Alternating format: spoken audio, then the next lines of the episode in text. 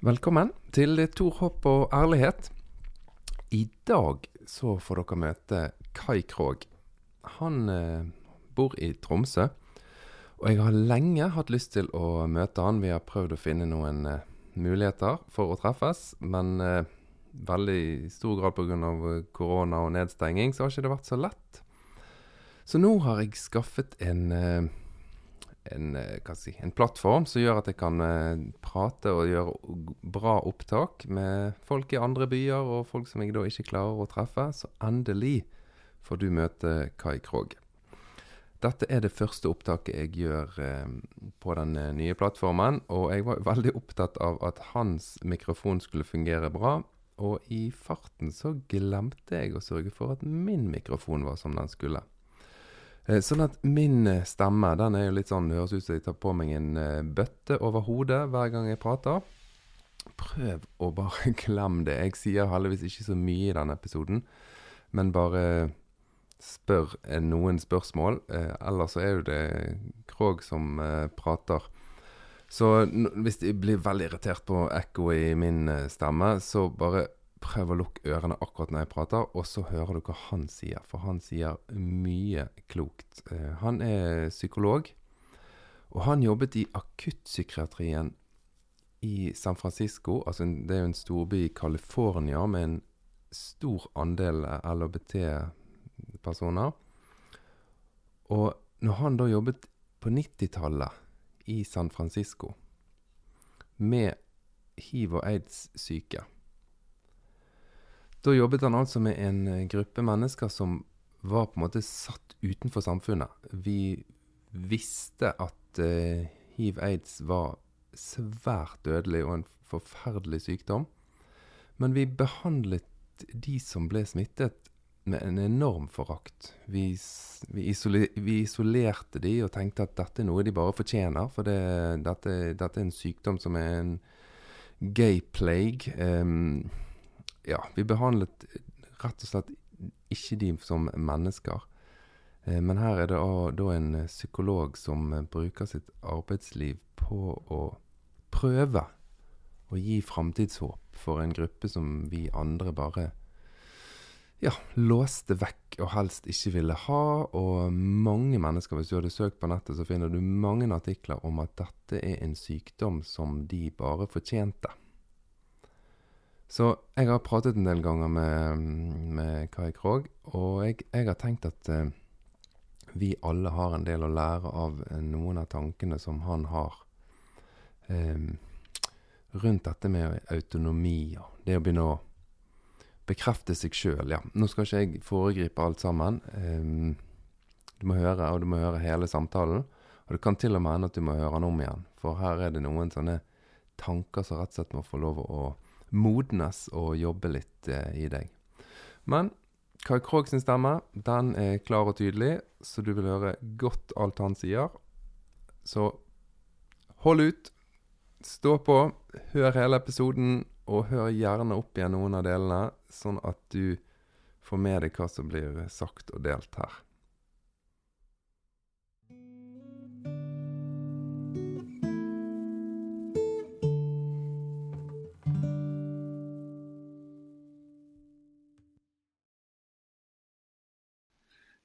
Meg og deg, vi har jo møttes uh, Vi har jo møttes fysisk bare én gang, stemmer ikke det? I Bergen. Det riktig, Tor Akon. Vi møttes i Bergen. Ja, og så har vi snakket sammen på telefon et par ganger. Ja. Eller flere ganger, faktisk. Ja, faktisk. ja. Og da har jeg tenkt at eh, mine lyttere, de har hatt godt av å bli eh, litt mer kjent med deg. OK. Ja, ja. Her, her, her, er jeg. ja, og du er i Tromsø. Ja, jeg sitter i Tromsø. Hvordan er vær og føreforhold? Nydelig dag i dag. Det har vært eh, sol over hvite vidder. Masse snø og uh, litt bitende vind, da, eller litt, litt, kjølig luft, men nydelig. Ja, men der oppe er det sånn hvis det er litt kjølig luft, så er jo det bitende kaldt, ikke det? Stemmer det. Ja. Um, jeg har veldig lyst til at du først, da, først forteller litt om Du har gjort så mye. Kan du fortelle litt om hva du har drevet med i ditt eh, mangeslungne arbeidsliv? Ja, siden du sitter i Bergen, så kan jeg jo si at uh, jeg starta mitt uh, yrkesliv i Bergen. Ja. Og, uh, så det er en by jeg er veldig glad i og kjenner godt. Og, og, der hadde jeg mitt første studium, egentlig, som var filologi. Ja. Så jeg var veldig opptatt av språk og studerte norsk, tysk og spansk. og jobbet i skoleverket i Bergen en god del år. Men så eh, fikk jeg så lyst på USA, og så fikk jeg så lyst på å forske på um, andrespråkstilegnelse hos innvandrer- og flyktningebarn. Ja. Så, og, så søkte jeg et stipend, og så kom jeg meg til USA og skjønte jo at skal jeg forske på sånn second language acquisition, som det heter, andrespråkstilegnelse, Eh, så er det jo også en eh, sterk eh, psykologisk komponent. Slik at da ble jo min interesse for psykologi som jeg hadde hatt på gymnaset, den blussa opp. Og jeg skjønte jo at dette var jo et fagområde jeg måtte bare kaste meg inn i. Så jeg rett og slett dro tilbake til Norge, solgte alt jeg hadde, dro tilbake til USA og studerte psykologi og ble psykolog i California. Ja, Du studerte ikke i Norge, nei? Nei. Nei, du tok graden din der borte? Jeg tok graden min der borte, ja. Og så ble jeg faktisk Åpna privat praksis. Jobba litt rundt omkring, altså både offentlig, privat. Og etter sånn vel 15, nesten 20 år, så tenkte jeg hvis jeg nå blir lenger, så blir jeg amerikaner. Og det hadde jeg ikke lyst til, og det torde jeg ikke. Pensjonist i USA er kanskje ikke de beste betingelsene, så jeg dro hjem til Norge. Og så skjønte jeg jo at da, da var da måtte jeg bare rett og slett flytte tilbake til Norge. Og siden har jeg vært her, da. Men hvor mange år bodde du da i Statene? Jeg bodde i 17-18 år. Så lenge. Men du tok utdanningen din i California? Riktig. Men du har jo også jobbet i San Francisco, stemmer ikke det? Det er riktig. Ja, jeg tok jo utdanningen min i Berkeley og San Francisco-området. Og da min, eh, min praksis i USA som psykolog har jo vært litt i ulike steder, som jeg nevnte, bl.a. i San Francisco.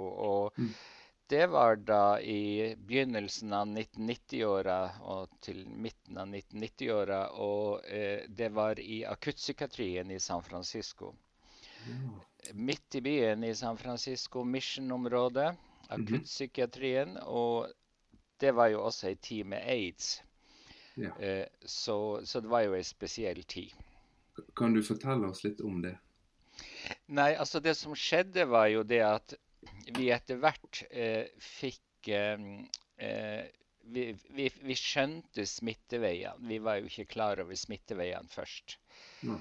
Og så Men vi hadde jo ingen, ingen, kur, vi hadde jo ingen helbredelse, ingenting å tilby. Men det var jo også en veldig sterk psykisk belastning og spesielt i San Francisco, som er jo en by på ca. 750 000 mennesker. Mm. Og det, den har en stor populasjon av lesbiske og homofile. Ja. 250 000-300 000 eh, lesbiske homofile, bl.a. i The Castro, som en mm. god del kjenner til. Eh, og vi var også akuttpsykiatriområdet eh, for The Castro. Så jeg ble godt kjent med virkningene av aids på folks psykiske helse og fysiske helse i, i, i den perioden. For på den perioden var vi alle veldig, veldig veldig redde, var ikke vi det? Ja, vi, vi alle var redde, og, og, så måtte vi bare stå i det. Og fordi vi ikke hadde altså helsevesenet ikke hadde noe å tilby når det gjaldt helbredelse, mm. så var jo det med å si 'la deg teste', eh, se om du er negativ eller positiv, det var jo også bl.a. for å begrense spredninga. Eh, ja. Så det var jo en diskusjon hvorfor skal jeg la meg teste hvis ikke man kan tilby noe osv. Mm. Det var jo en veldig sterk belastning, eh, selvfølgelig for de som ble hiv-positive. Mm. Eh, og det var jo en belastning for hele det community. Og det ble jo i begynnelsen sant?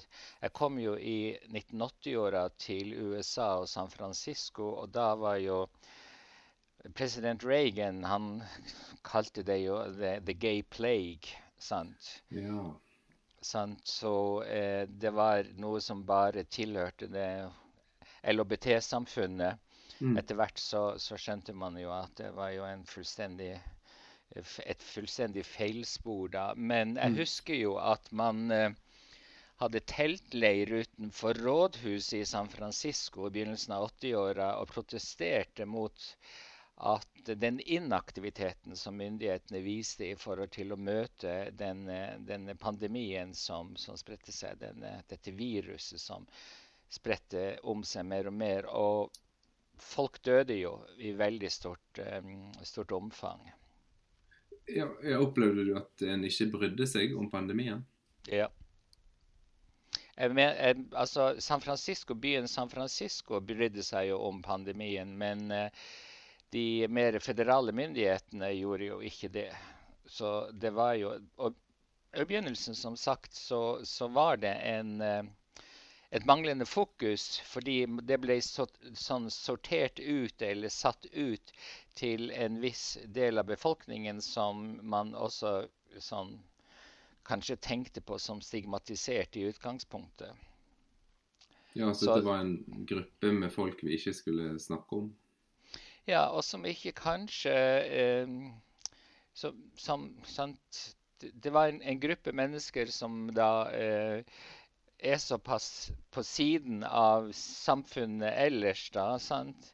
LHBT-samfunnet, så de, de, fikk ikke den oppmerksomheten de fortjente, selvfølgelig, mm. til å begynne med. Men, men du jobbet som akuttpsykiater? Aku, psykolog, da. Og, ja, eh, ja, mm. og, ja da, det gjorde jeg. Så og det ga seg jo utslag i f.eks. at når folk ble når folk lot seg teste og, altså Først diskusjon skal man la seg teste. Deretter hvis, hva skjer hvis resultatet kommer og det er positivt osv. Og, så mm. og i noen mm. tilfeller var det jo selvmordsfare.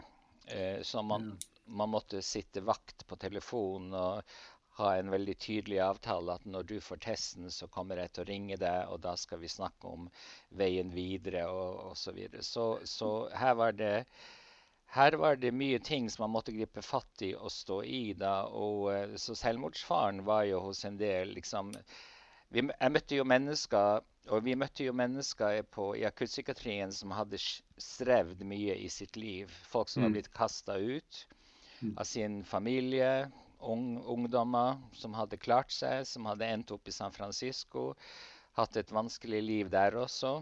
Eh, mm. og, og eh, og så kom aidsen på toppen, og det mm. kunne velte, velte lasset. Mm. Men hva sier, du, hva sier, du, til en pasient som kommer inn og som har fått positivt svar på en uh, prøve som viser at da, ja, det er ingen håp, vi har ingenting å tilby. Hvor, hvor begynner du henne? Ja, nei, altså eh, Man må jo ta fatt i eh, den måten vedkommende holder fast i livet på. Mm. Og mestrer livet. Liksom mestringsstrategien. Liksom, hvordan, ved, hvordan, har vedkommende møtt motgang tidligere i livet og takla livet? Og dette er, jo, dette er, jo, mennesker, folk som har møtt en god del motgang, og som har takla mm. det. Mm. Eh, og som har kommet seg videre. Og så var det jo det med at, å formidle håp. Man må alltid formidle håp. Vi vet ikke om det kommer en kur om ett år, to år eller tre år. Så det gjelder at du aldri gir slipp på håpet. Mm. At du jobber med din mestring, og jeg skal hjelpe deg til å finne mestringsstrategier. Eh, ta vare på deg sjøl. Virkelig ta vare på deg sjøl. Passe på at du ikke sprer viruset videre. Det er veldig viktig. sant? Mm. Mm. Eh, bli informert, holde deg informert om utviklingen innenfor medisin. Mm. Ha en god fastlege hvis du har det. Osv. Mm. Eh, passe på hvis det oppstår noen infeksjoner, få den behandlingen du trenger osv. Slik at det var et helt sett med, med ting vi, vi adresserte for å holde folk gående inntil det kom en cure. Og så kom det jo det i 1995-96. Ja, du var jo der borte og jobbet når den kuren begynte å bli ja. lansert. Mm. Ja, så jeg har jo møtt mennesker som var ikke langt unna døden, for å si det rett ut. Mm. Um, og som blir på en måte Som hadde gitt opp. Som bare reiste bort pengene sine og gjorde alt for å kunne ha det hyggelig og, og, og, og godt i siste tiden, de siste månedene. Mm. Og så ble de på en måte dratt tilbake over på livssida. Oh. Ja. Ja. Jeg kjenner enda sånne mennesker som var så nær døden som, som det bare kan bli, og som hadde på en måte gitt opp og si at nei, nå bare bruker jeg det jeg har. Nå lever jeg det livet jeg kan leve, så godt jeg kan leve, fordi det nærmer seg slutten. Og så kom den kuren. Og så ble de dratt over på livssida eh, med eh, masse omsorg, sant? venner som mm. trådte til, og alt mm. dette her som, eh, som, som et godt nettverk. Eh, så, eh, så, jeg har ennå kontakt med noen som ble dratt over på livssida i 1995-96. Altså, dette blir litt annen vei igjen, men jeg, jeg sitter og kjenner på at det må jo ha vært folk som har opplevd noe helt enorm ensomhet dette. Ja. Altså eh, det er jo det er jo derfor noen søkte til et så stort fellesskap som San Francisco, LHBTQ-fellesskapet med 250 300 000 eh, eh, lesbiske, homofile, transpersoner osv. Mm. Så der var det jo et fellesskap. Det var alltid altså, Det fascinerende midt oppi det hele var jo at, at det å, å, å finne frem til hvilken gruppe er det som du kan gå i? Hvor ja. er det du finner, ditt fellesskap? Og eh, som sagt, det var fascinerende at jo mer jeg forska hvilke grupper som finnes i San Francisco, så, så finnes det jo alle mulige grupper. Mm. Absolutt alt finnes. Hvor hører du hjemme? Hvor vil du gå? Hvor vil du finne ditt fellesskap? Vil Finne mennesker som tenker, føler, som ser verden sånn som du ser verden, der du, kan, der du får, kan få kontakt. Der du vet at de har opplevelser som ligner på dine, og der du kan føle et fellesskap. Opplevde du at de fellesskapene kunne erstatte familier? For du nevnte at det var mange som hadde blitt kastet ut hjemme, så da naturlig ikke har familie. Nei, men de var eh, Erstatte er jo kanskje et litt sånn vanskelig ord. Eh, det var jo en lengsel om Altså, vi fødes jo inn i en familie, stort sett. Mm. Av og til ikke familie, da, men, mm. men vi fødes inn i familie. Eh, og i den familien så dannes det jo bånd, sant? Vi får det vi kaller for tilknytning. Og det blir jo tilknytning til våre omsorgsgivere, mm. våre foreldre i første, første omgang. sant? Og der har vi jo, har vi jo eh, en del behov som skal tilfredsstilles. sant? Mm. Mm. Uh, og uh, nu, Jeg svarer på ditt spørsmål Tor Håkon, litt sånn via en liten omvei. Her. ja, jeg har blitt kjent med deg, og det gjør du. det er helt greit.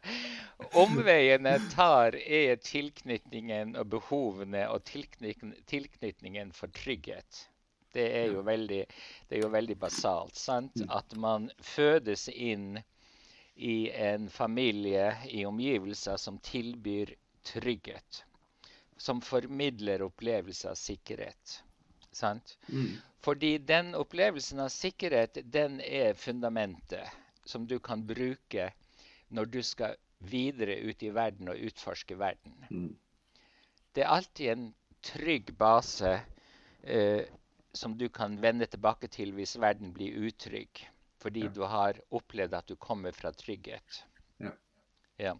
Så, så, det med at eh, hvis det ikke var til stede for, for noen, så kunne de i hvert fall finne et alternativ mer i voksen alder, i ungdoms- og voksen alder. Det var en god del ungdommer, si 15-16-17 år, som f.eks. endte på gata i San Francisco, som også kom til akuttpsykiatrien. sant? Mm. Eh, så, eh, men lengselen etter, etter den, den, de primære omsorgsgiverne var jo ofte til stede. Mm. Eh, når man ble, hadde blitt kasta ut og blitt avvist og osv. Så, videre. mm. så trygghet.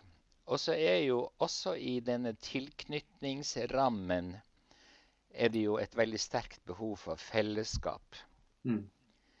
Slik at vi har omsorgspersoner som gir oss opplevelsen av at du kan forstå hvordan det er å være med.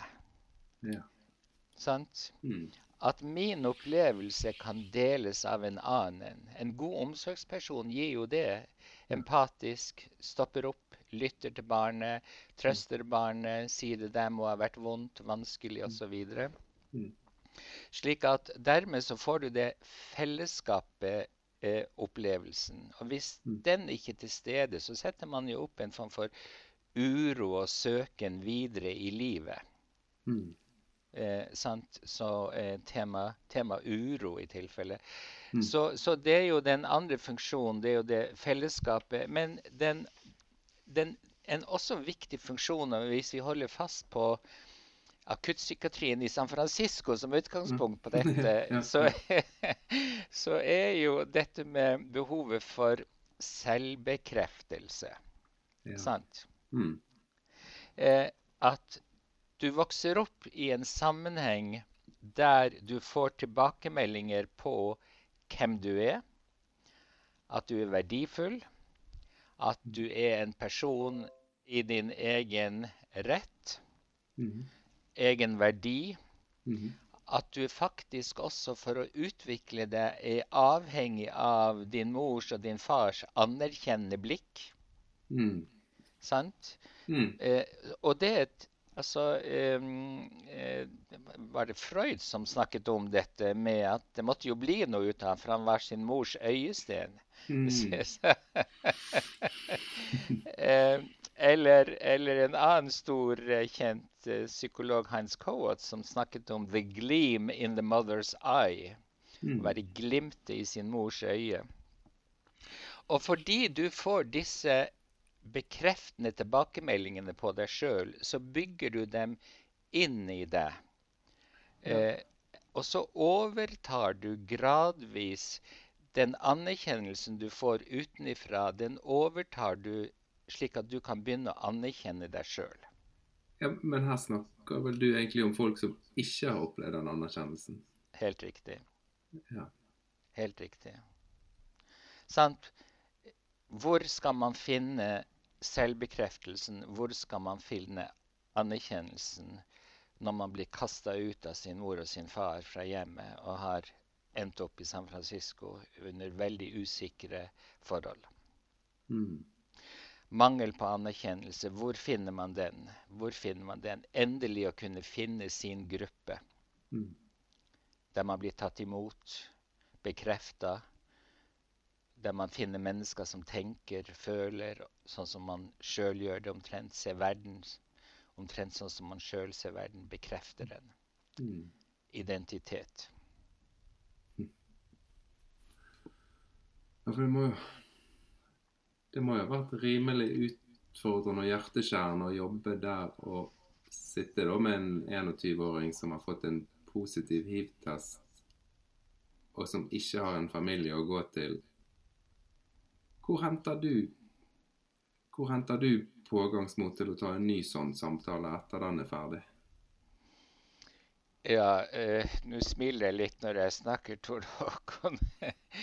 det, er, det er jo mange måter man må jo ta vare på seg sjøl. Ja. Ja. En av de tingene er jo det at man, når man går fra jobb Det betyr jo ikke at man ikke tar noe med seg. Mm. Men man må passe på å ha en ganske bra grensesetting mellom jobb og fritid. Ja.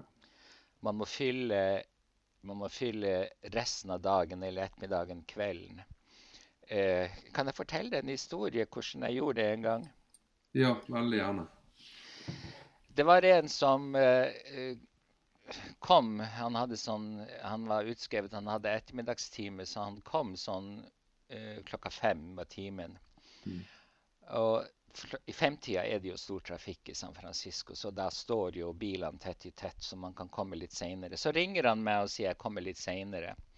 Eh, det er så stor trafikk. Så tenkte jeg ja, men det vet jeg jo. Jeg ble litt urolig. Så kommer han, og så har han med blomster til meg, og så eh, sier han jeg plukka opp noen blomster på veien hit fordi du er jo så snill. Du har vært så mm. snill mot meg. Og jeg sa jo takk for det, men jeg, ble, jeg kjente det litt i magen. Det, det, var noe annerledes enn det som hadde vært tidligere. Så snakket vi sammen, og så sier han You know I'm gonna check out. Og så slo det meg 'checking out'. Hva betyr det? Så skjønte jeg jo faktisk at han ikke hadde sagt noe mer enn de to ordene 'checking out'. Mm -hmm. Og da hadde jeg tre ting. Da hadde jeg telefonsamtalen, da hadde jeg blomstene, og da hadde jeg 'checking out'. Ja. Da måtte jeg bare holde meg fast i stolen og si nå sitter jeg her og tenker at det er noe annet som skjer enn denne egentlig ganske greie samtalen vi har. Er, er du i ferd med å gi opp? Mm. Ja, det var han. Dette var avskjeden med meg. Oh.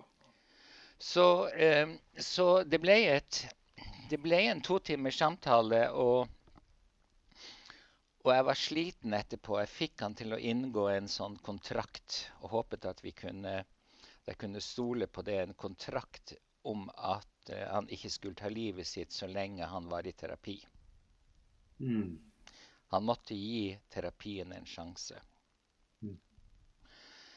Og uh, jeg var veldig sliten da jeg gikk fra kontoret den kvelden og bare kryssa fingra for at det, uh, det, skulle gå bra. så måtte jeg jo ta vare på meg sjøl. Mm. Og da liksom lurte jeg på hva skal jeg gjøre. Jo, jeg dro til en av de fineste meksikanske restaurantene jeg vet om i, um, i, San Francisco. Bestilte det største måltidet jeg kunne, med frijoles og alt mulig rart. Og det var seksjoner osv. Og, så og etter at jeg hadde bare rett og slett spist opp alt, så kom kelneren bort til meg og så ser han ned på meg, og så ser han på mine tallerkener som var tomme, og så ser han på meg, så sier han You ate all that. Oh my God. og jeg husker, jeg husker jeg tenkte Takk, kjære Gud. Takk, kjære Gud. Nå har jeg i kveld sittet og sett og hørt og bekrefta og fått kanskje klart å dra et, en person over på livssida, selv om det er veldig skjørt. Mm. Så, så, kanskje har klart det.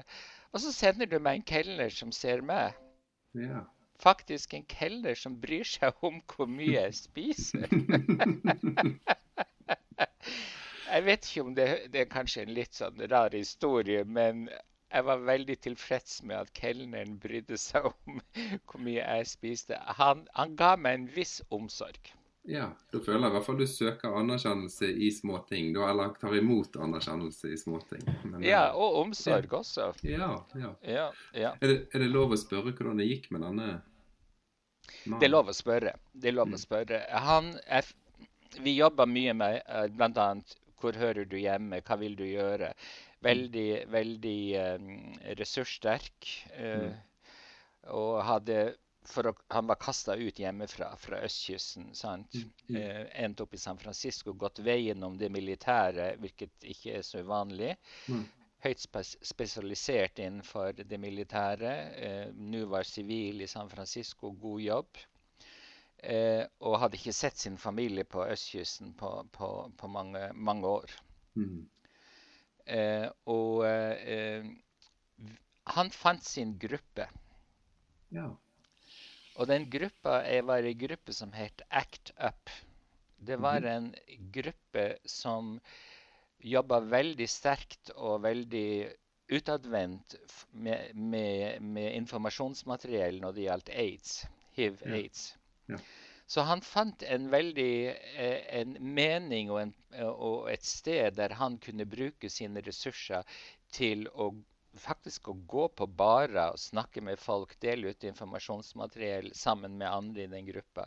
Veldig aktiv gruppe som betydde mye for den videre utviklinga i, i, uh, innenfor denne omsorgen. Og der, Han ble veldig oppslukt av at han kunne bidra. Ja. Ja, og så, så, skjedde jo det at jeg mm, faktisk nå får du hele historien. Det blir kanskje litt langt. Men, men uh, moving on, som det heter. Jeg fikk en ny mm. stilling et annet sted, i Sørbeien, um, ved et stort hospital. Og så gikk det faktisk tre år. Og så var jeg på um, ute i hovedgata Market Street i San Francisco og skulle feire halloween. Mm. Eh, ikke noe for meg, egentlig. Eh, så jeg skulle gå tilbake til bilen min og bare kjøre hjem. Og da kommer det en stor mann bort til meg og sier Han var utkledd som måne. og han hadde sølvlaminé, kjortel, et hode som stakk ut av månen, som bare var sølvlaminert, alt, osv. Og, og så ser han ned på oss og sier han Do you recognize me? sier han. Sure do, sier jeg. Who am I? sier han. Uh, you are the moon, sa Så ser han på meg og sier no, who am I? Og da så jeg profilen hans, kjente stemmen. Oh my God. Oh my God. I remember you. Og det første han sier, var 'Come and meet my new partner'. Oh. Og det var en uh, ny partner, en mann da, mm. uh, som var The Sun. Yeah. Som var kledd bare i gull. Oh.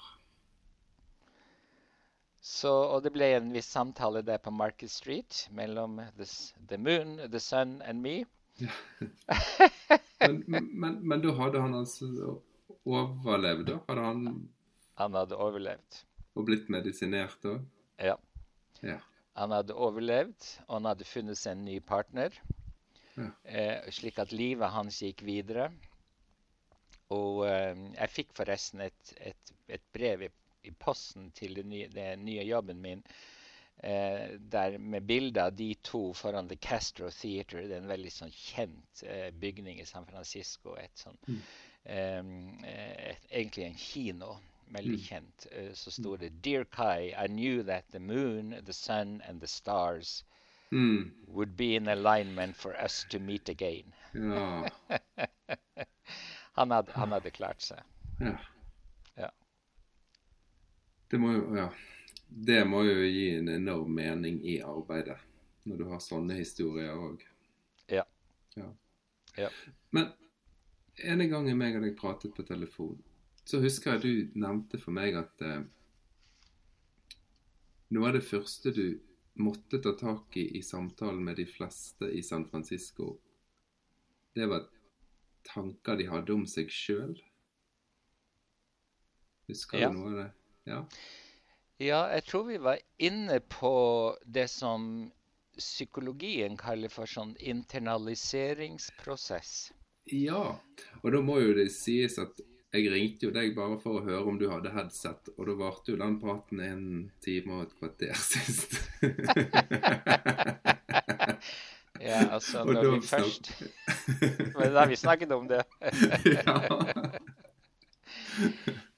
ja. Nei, altså det er jo sånn at Nå er vi tilbake til the basic stuff, sant? Ja. Eh, ja. tilbake til barndom, oppvekst osv., men også videre i livet. Mm. Eh, at vi blir til i den andres blikk og den andres vurderinger og i samspillet med den andre og de andre. Mm. Altså, vi oppdager og opplever oss sjøl hvem vi er via veien. Veien går om de andre. Tilbakemeldinger vi får mm. fra andre. Mm. Og Hvis de, de, tilbakemeldingene er positive, bekreftende osv., så, videre, så bygger vi en bra identitet, vi bygger mestring, vi bygger selvtillit. En positiv opplevelse av hvem vi er osv. Men hvis de meldingene, tilbakemeldingene går på kritikk, Mm.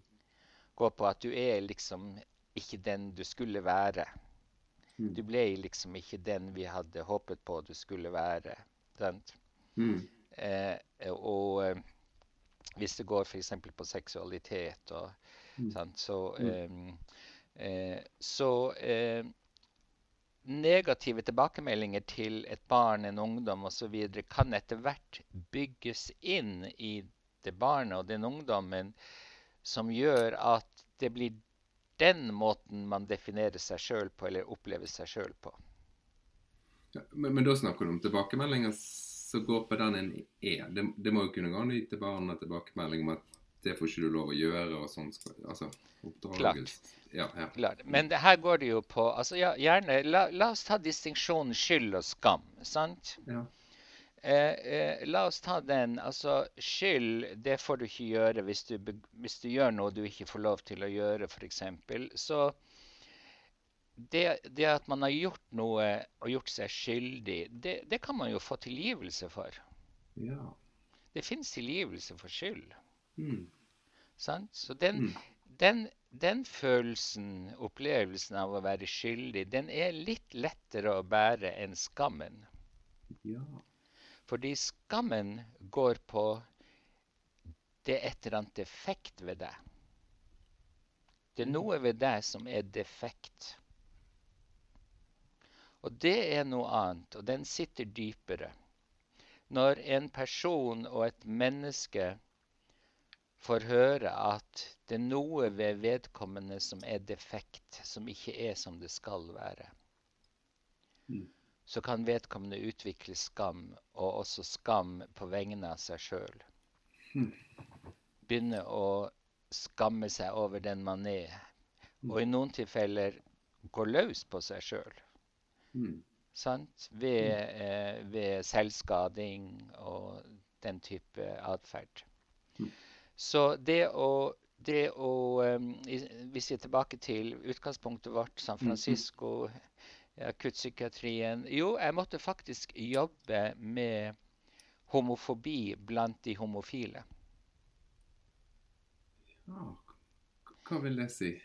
Det vil si at de hadde møtt så mange homofobe vurderinger og uttalelser på seg sjøl at de hadde internalisert, som det heter, noe Mm. av dette i forhold til seg sjøl. Sitt eget selvbilde var blitt preget av de, tilbake, de negative tilbakemeldingene de hadde fått. Hmm. Så, så i noen tilfeller måtte, måtte jeg bidra til å hjelpe til å bearbeide homofobien blant homofile. Og det er jo, det er jo sånn Jeg mener, jeg får på å si Pietein har jo et lite grukk om dette. Han sier noe sånn som at vil du lage trylleri, så husk å putte kaninen i. Her hadde man putta kaninen i sant, i Mm. hatten Mm. Mm. og oppspratt det hele. Og så sier man å, hvor kom dette fra? Jo, jeg, jeg, dette kommer jo, dette er jo et resultat av at um, man har putta kaninen i. Mm. Men hva, hva utslag får det da praktisk, da? Nei, altså skal man, skal man ha det bra, skal man få realisert seg sjøl, Mm. skal man ha en positiv opplevelse av hvem man er, skal man få brukt sine evner, Mm. selvaktualisering eh, og eh, de her eh, ordene vi bruker, sant? livsutfoldelse, nytelse Mm. Osv. Skal, skal eh, man få det, så er, er jo noe av grunnlaget er jo at man opplever seg sjøl på en positiv måte. Mm. At fortellingen om en sjøl er en positiv fortelling. Ja, for ellers så unner du deg ikke et godt liv. For eksempel. Mm. For eksempel, du kan sabotere deg sjøl. Du kan tvile på deg sjøl. Du vet ikke at du har de mestringsstrategiene du egentlig har. Du er blitt fortalt at du duger ikke så veldig, og du er fortalt at dette klarer du ikke, og osv. Så, så noe av det man må gjøre, er jo å invitere til du, Og jeg, jeg er glad i musikk, det, det har vi mm. snakka litt om. Mm. Og jeg pleier å, å sammenligne det som at sjelslivet vårt er som en sånn polyfoni. Mm. Der inne er det en god del stemmer. Mm. Og de stemmene sier ja, ja, dette er jo bra, men det går ikke. Mm. Eller en, stemme, en annen stemme sier at du kan jo bare prøve. Mm. Slik at vi har bygd inn ulike stemmer fra noen betydningsfulle mennesker vi har møtt på vår livsvei sånn, fra vi var barn. Mm. Min jobb da blir jo å hjelpe vedkommende. OK, hvem er det som nå snakker? Mm. Hva er det slags stemme som jeg nå hører du, du gir meg? Er det din stemme, eller er det din fordømmende fars stemme, f.eks.? Mm. Sant? Mm. Og det kan man se i språket, dette med Ja, ja, det der var jo et godt et, en, en, en, god tankekai, tanke, Kai, men det går jo ikke. Nei. Ja, men-gruppen. Ja, komma, men det går ikke. Mm. Sant? Men vi har Så- alle de stemmene på en eller annen måte. Det har vi. Ja. Men noen har flere av dem. ja. Så det Og nå kommer litt poenget. Det Den den lille ryggsekken som noen påførte deg med de stemmene, blant annet. Mm. Og hvis de bruker en, et begrep fra psykologien 'background burden', Mhm. bakgrunnsbyrden din, sant? um, den må du på en eller annen måte gi tilbake. Ja. Den skulle du ikke hatt. Da gjelder det for meg å være veldig tydelig. Dette skulle du ikke ha opplevd. Dette var urett. Dette skulle ikke du ha vært påført.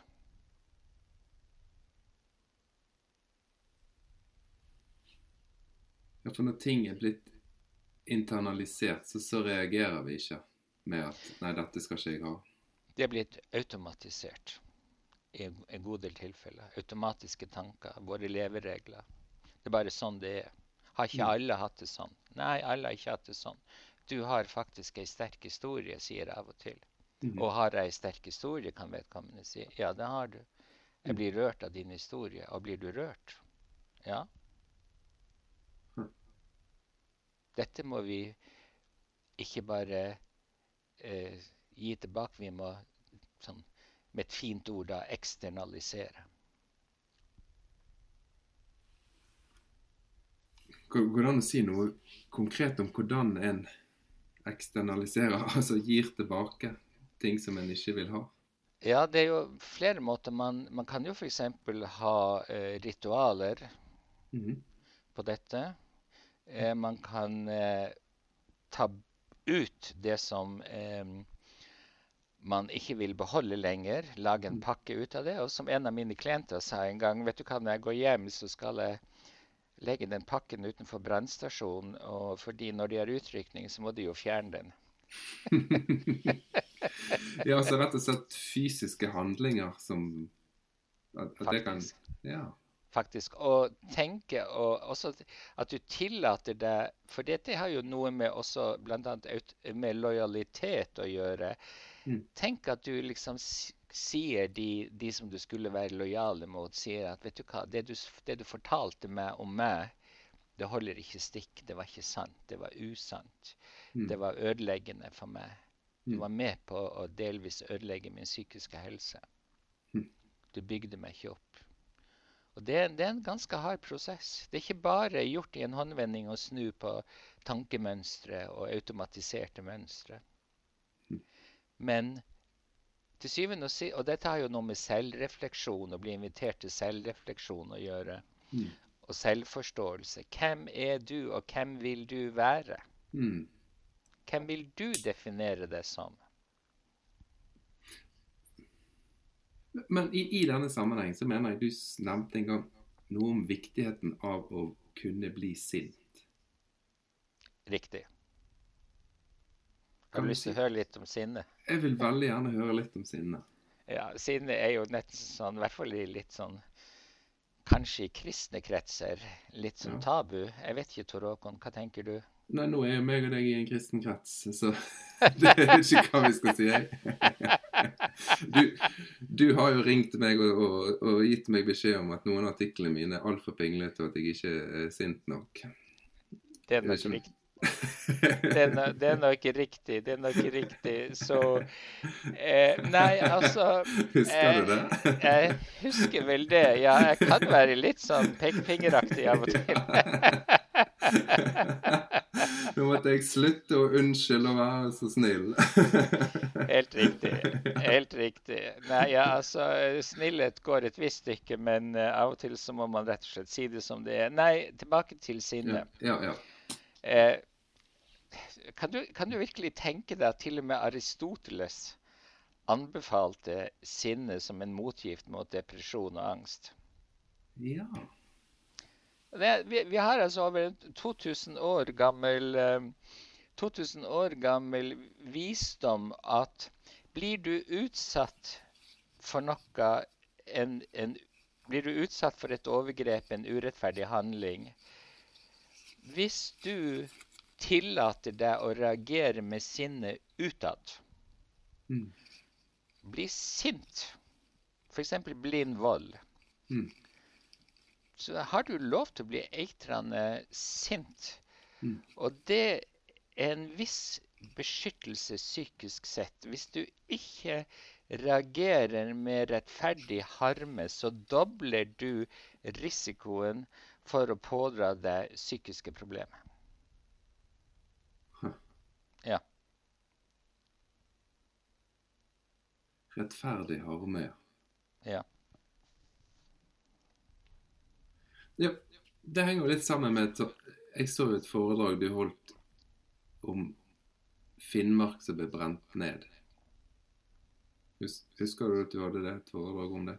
ja. Det jobber jeg mye med det foredraget. Ja, ja, ja. Ja. Og det, det henger kanskje litt sammen med det, da. Altså, der opplevde befolkningen at de ikke fikk anerkjennelse for uretten de var påført. Og det Ja. førte til eh, mye problemer i, i lang tid.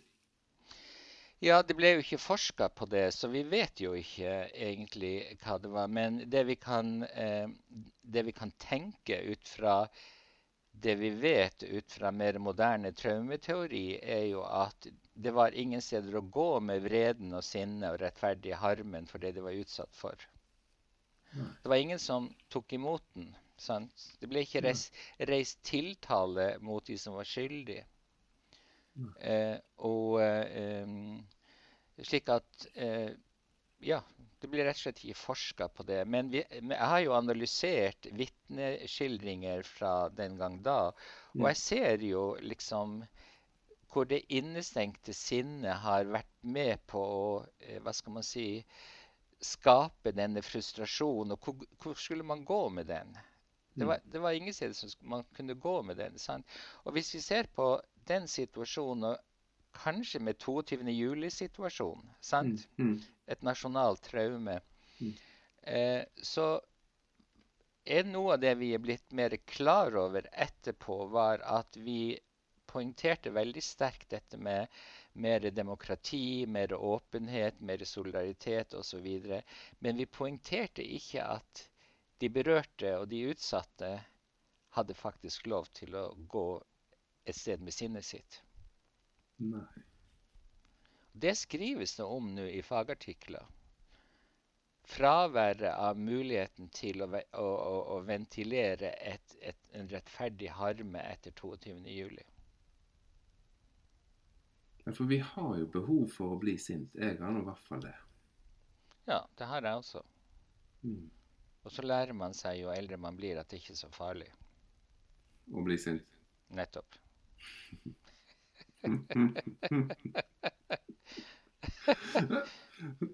Men det er en ting jeg har lurt litt på.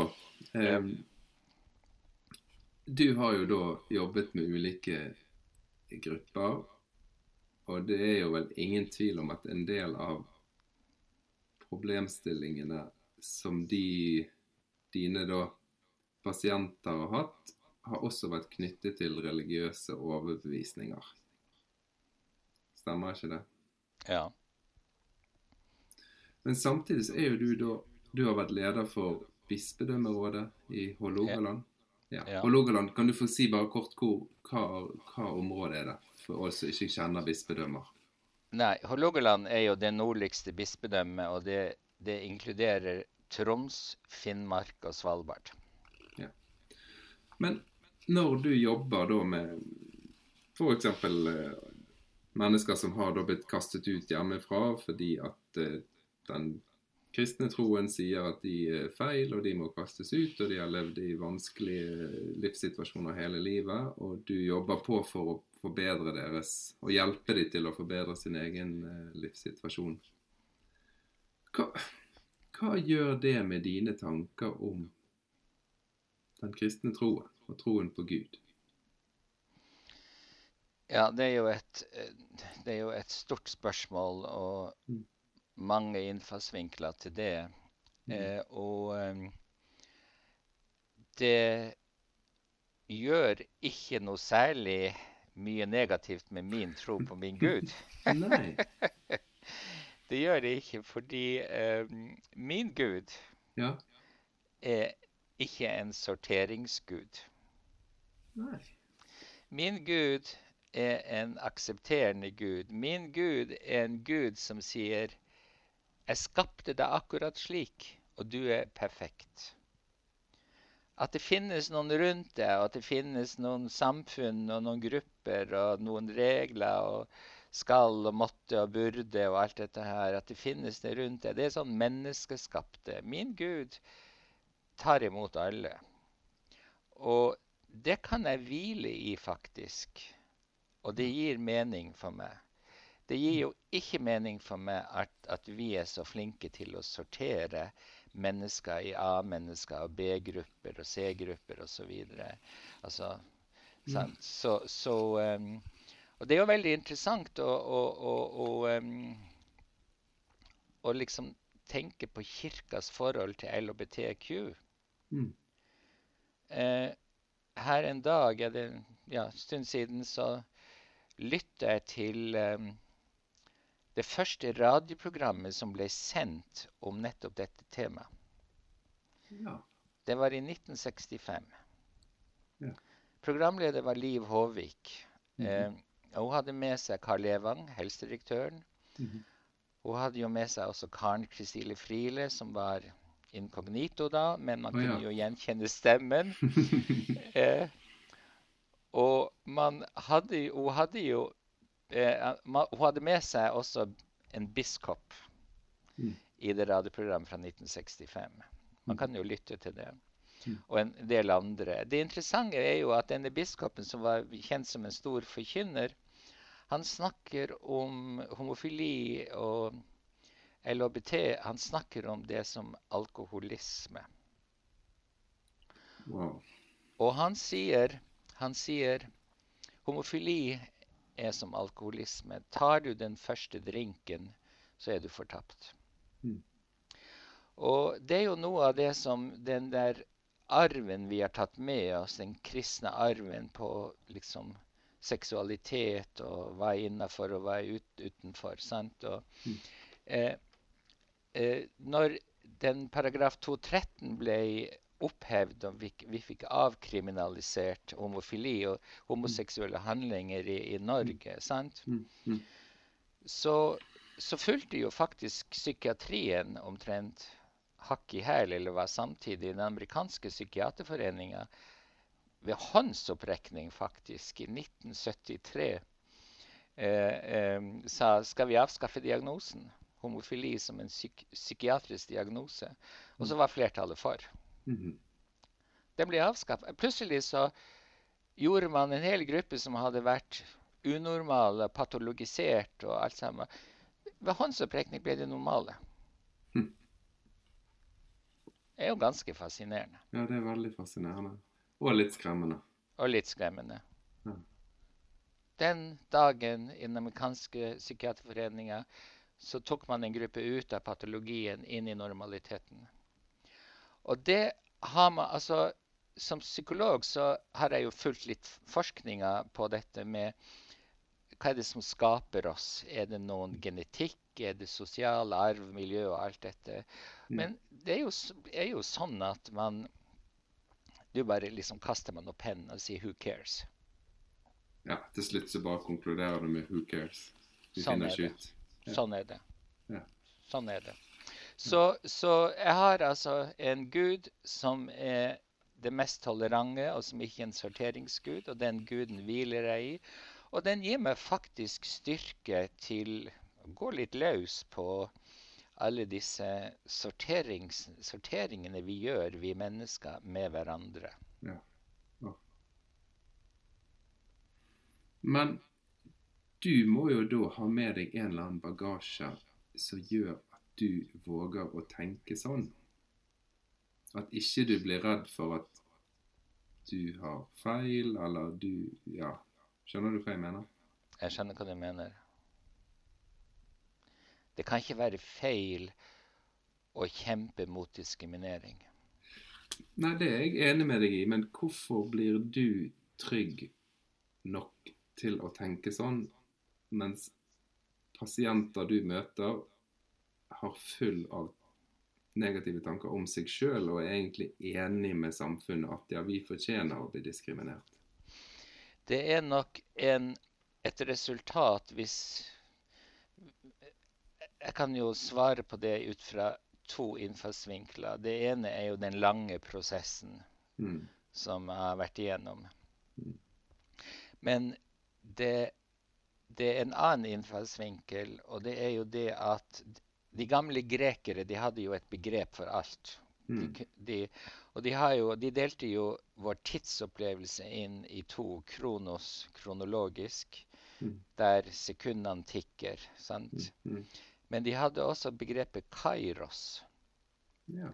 Det øyeblikket som ikke er kvantitet når det gjelder sekunder, men det øyeblikket der du får en innsikt som står så klart for deg at sånn er det bare og så gir det deg en retning. Mm. Og jeg tror nok en tredje innfallsvinkel for meg, Tor Håkon, mm. er at jeg hadde noen primære mennesker rundt meg i min barndom og oppvekst mm. som ga meg retning. Yeah. Som ga meg retning. Og da hvis jeg får lov, så har jeg bare lyst til å sitere Gøran Tunstrøm. Ja. Juleoratoriet. Ganske tidlig i den romanen Han vant jo Nordisk råds litteraturpris for den romanen i, eh, var det vel i 1983. Mm. Han sier Hva var det i meg som hadde orket? Hvilke øyeblikk er det som former våre liv? Hvilke ansikter er det som belyses av vår bevissthets første bleke stråler og gir oss en retning? Jeg hadde noen sånne mennesker rundt meg min, som, som, strålte mot meg idet min bevissthet eh, våkna tidlig i livet. Mm. Så det er egentlig menneskene rundt deg, tenker du, hovedsakelig? Ja. Det er gruppen, men ikke bare gruppen. Mm. Du er ikke, du er, du er, gruppen er viktig, men du er likevel ikke bare din gruppe.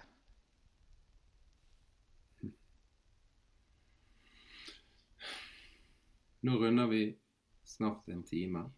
Ja. Og jeg tror vi må si takk for denne episoden. Dette var meget, meget bra og lærerikt for meg. Um, jeg, jeg, ser jo det at vi har kommet sånn ca. tre-fire punkt ned på listen som vi hadde satt opp. Eller punkter. Det er, ikke, det er jo ikke verst. Det, nei, det er ikke verst. Um, men jeg håper jeg har lov å utfordre deg til en, en ny episode, for vi har noen punkter til vi må ta.